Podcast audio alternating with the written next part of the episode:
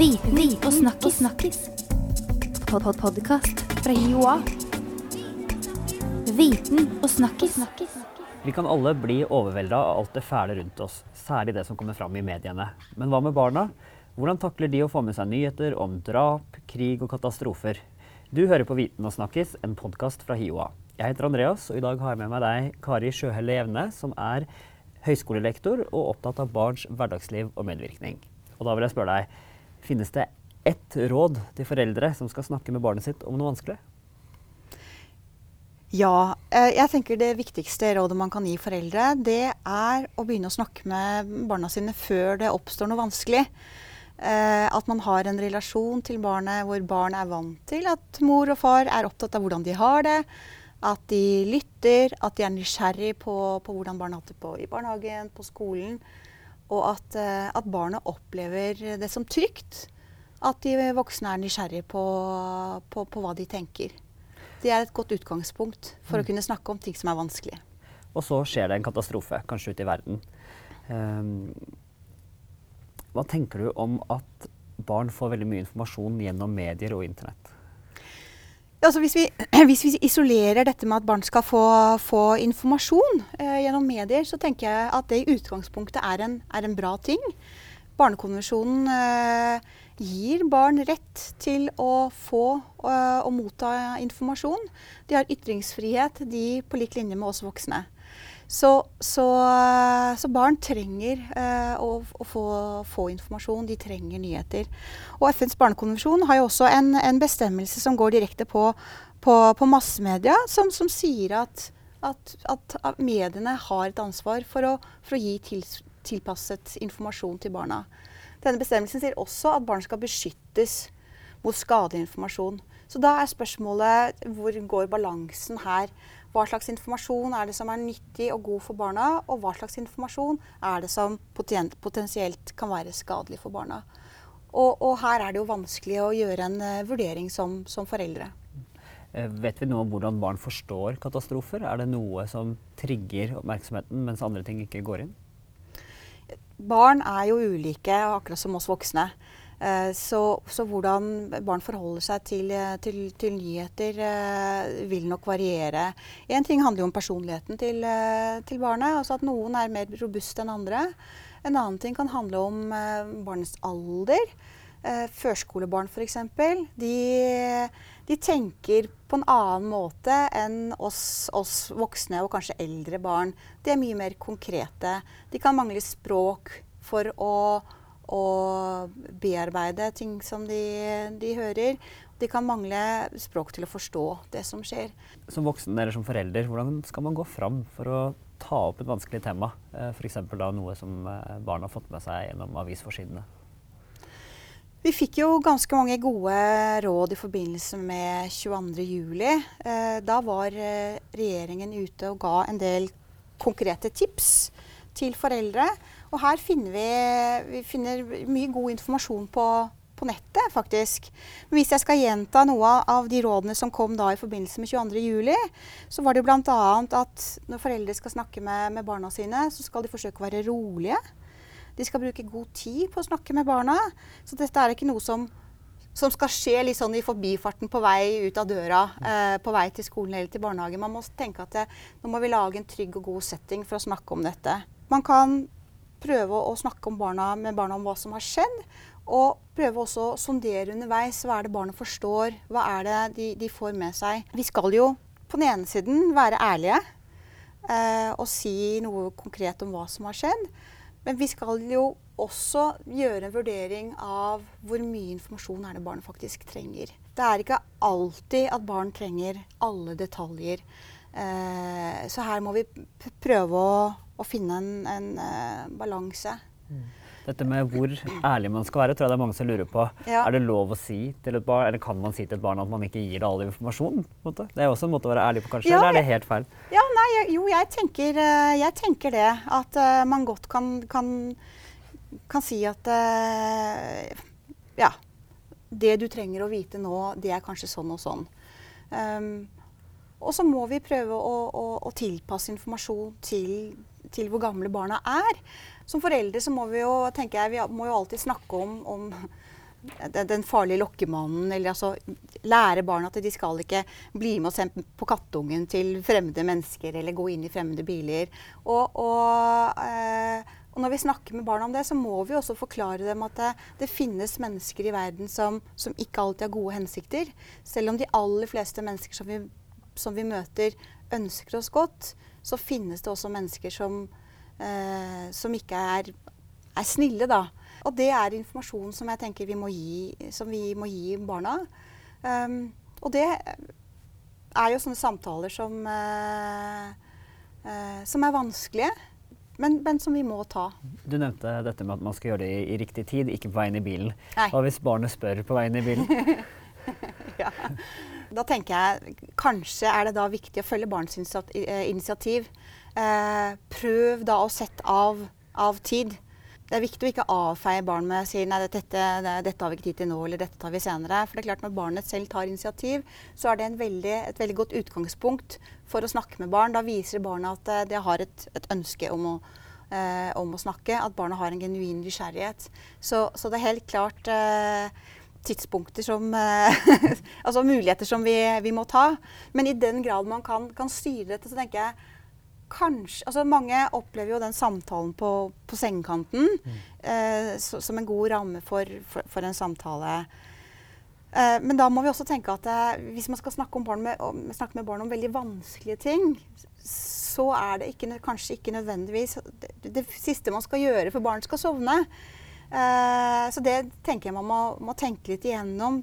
Altså, ha, gi barna mulighet til, hvis man har snakket om noe vanskelig, at de kanskje også skal, kan gå over i en situasjon hvor de gjør noe ålreit. Eh, hvor de gjør noe som kan få tankene over på noe annet også. Slik at dette ikke er det siste eh, man, man, man, snakker med barna om. Men det er klart, det er noe med å følge opp de initiativene som, eh, som barna tar. Det tenker jeg er kjempeviktig. Jeg har lyst til å spørre litt mer om dette med mediene. Hvilket ansvar har aviser og TV og radio eh, for å tenke på at barn også er publikum? Mediene har et eh, like stort ansvar overfor for barn som, som, de har overfor andre, andre publikummere. Men de har også en bestemmelse som jeg tenker er, er Være varsom-plakaten. Den avslutter med en, en ganske sterk påbud, og det er ord og bilder er mektige våpen misbruk dem ikke. Og det tenker jeg kan anvendes direkte på, på barn. Um, særlig bilder og lyder er, virker veldig sterkt på barn. Uh, det virker sterkt på oss voksne også, men vi kan også tenke oss at de har færre filtre for å, uh, for å sortere ut sterke opplevelser. Så der tenker jeg at det er spesielt når man legger ut bilder, når man har laget forsider, at de skal ha i tanken at dette er noe som unger går forbi på vei til skolen. Uh, det er noe som, de ikke, som, ikke, som det ikke er lett for barna å, å skjerme seg imot. Før så snakka man jo om eh, det gamle vannskillet. At de verste bildene og verste opptakene skulle vises på TV etter klokka ni mm. på kvelden. Uh, det har vel blitt litt utfordra nå med internett, hvor barn har tilgang mm. til nyheter døgnet rundt. Også etter skolen på dagtid. Hva slags ansvar har foreldre her for å følge opp? Det jobbes jo masse med, med nettvett eh, fra skolens side, og jeg tror det gjøres også i, i barnehagen. Så det å lære barna eh, nettvett tenker jeg er, eh, er viktig. Det er, for, det er jo et, et, ansvar som foreldrene har, men det er også et ansvar som, som profesjonelle har, tenker jeg. Og da vi, som foreldre så klarer vi ikke å gå inn og detaljregulere alt barna ser. Eh, barn bruker eh, YouTube de er eksperter. De kan mer om YouTube-søk tror jeg, enn de fleste uh, av oss foreldre. Og der kommer de over informasjon som, som, som kan være eh, ganske sterkt for dem. Og da tror jeg at det vi kan gjøre som foreldre, det er også kanskje være føre var og si til ungene at hvis du opplever, hvis du ser noe som du synes er ubehagelig, si fra. Jeg kommer ikke til å bli sint. Det viktigste er at du forteller meg eh, det du har sett. Og dermed så kan vi i, i, det minste gi barna en mulighet til å bearbeide det de har sett. Det er jo ikke alltid at det triste som skjer, kommer i nyhetene. Noen ganger er det i nærmiljøet eller i familien. Hvordan skal man da snakke med barn? Det gjelder jo noen av de eh, samme prinsippene. Da tenker jeg det, er, det handler om å være til stede. Det handler om å være åpen. Det handler om å være nysgjerrig på, på hva barnet forstår. En av de tipsene som, eh, som, jeg ser går igjen, det går også på å være, være sammen med barnet. Og så bruke mye tid sammen med barnet. Både til å snakke, til å snakke om det som har skjedd, men også til, til, andre aktiviteter. Slik at barnet forstår at den voksne er her for meg.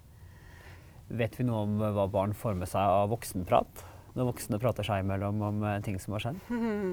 Vi vet vel noe om at barn har, uh, ofte får med seg mer enn det vi, enn det vi tror.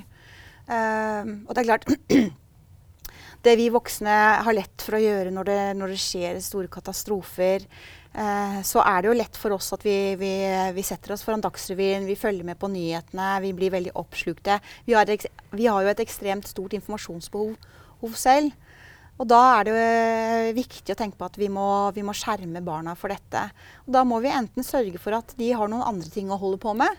Uh, mens vi ser på Mens vi følger med på nyhetene. Men så er det også viktig at vi, vi passer på at vi, vi, tar oss pauser selv, vi voksne, og, og, og, og gjør andre ting enn å, enn å, følge med på nyhetene. Um, så, så, det å være til stede og, prøve å skjerme barna er, er, er viktig. Å finne en god balanse der. Når blir eh, disse vanskelige temaene så vanskelige at foreldre bør eller kan hente inn profesjonell hjelp for å snakke med barna sine? Hmm. Jeg vet ikke om vi kan gi noe generelt råd på det, men jeg, jeg tror det handler om å følge med på, på, på barnets atferd. Hvis vi begynner å se at barnet endrer seg veldig, så er det et, et tegn, tenker jeg, på at, eh, at, at, barnet ikke har det bra. Det trenger jo ikke å bety at barnet sier noe helt direkte. Det er ikke alltid barn uttrykker seg eh, verbalt. Ofte, kanskje enda oftere, så uttrykker barna seg gjennom atferd. Sånn at hvis barnet, f.eks. et barn som eh, har sluttet med bleier, begynner å tisse på seg igjen, et barn som Altså at barn får søvnproblemer, at barnet virker ukonsentrert, sover dårlig. Så tenker jeg det er noen, noen røde lys som vi bør uh, legge merke til. Og da går det jo an i første omgang å altså det, er jo ikke det er ikke nødvendigvis slik at man Det er mange hjelpeinstanser, uh, og det er ikke sikkert at man trenger å gå til psykolog med det første, men kanskje diskuter disse symptomene som du ser med helsesøster Eh, enten på helsestasjonen, helsesøstre på skolen. Ta kontakt med de som er sammen med barna eh, i det daglige. Lærer, barnehagelærer. Og hør Ser dere noen av det samme? Si at jeg er, er bekymret for denne atferden. Så kan man jo da vurdere om man skal, skal gå, gå, videre i systemet eller ikke. Og når vi snakker om disse som uh, jobber med barn i det daglige, de er vel trent på en litt annen måte enn de vanlige foreldrene i å prate om ting som er vanskelig? Ja, i hvert fall eh, nå jobber jeg på barnevernpedagogutdanningen. Eh, og dette med å, å, snakke med barn, det er noe som vi er veldig opptatt av. Eh, både å lære, lære, dem hvorfor de skal, skal snakke med barn. Altså at det er en juridisk rettighet for barnet. At det er en mulighet for altså at det, det kan gi barnet utviklingsstøtte. Men også lære de ulike verktøy og grep for å for å snakke med barn. Så vi allerede første semesteret er våre studenter ute og øver seg på å, å snakke med, med, barn. De øver seg på å bygge relasjoner til, til barn.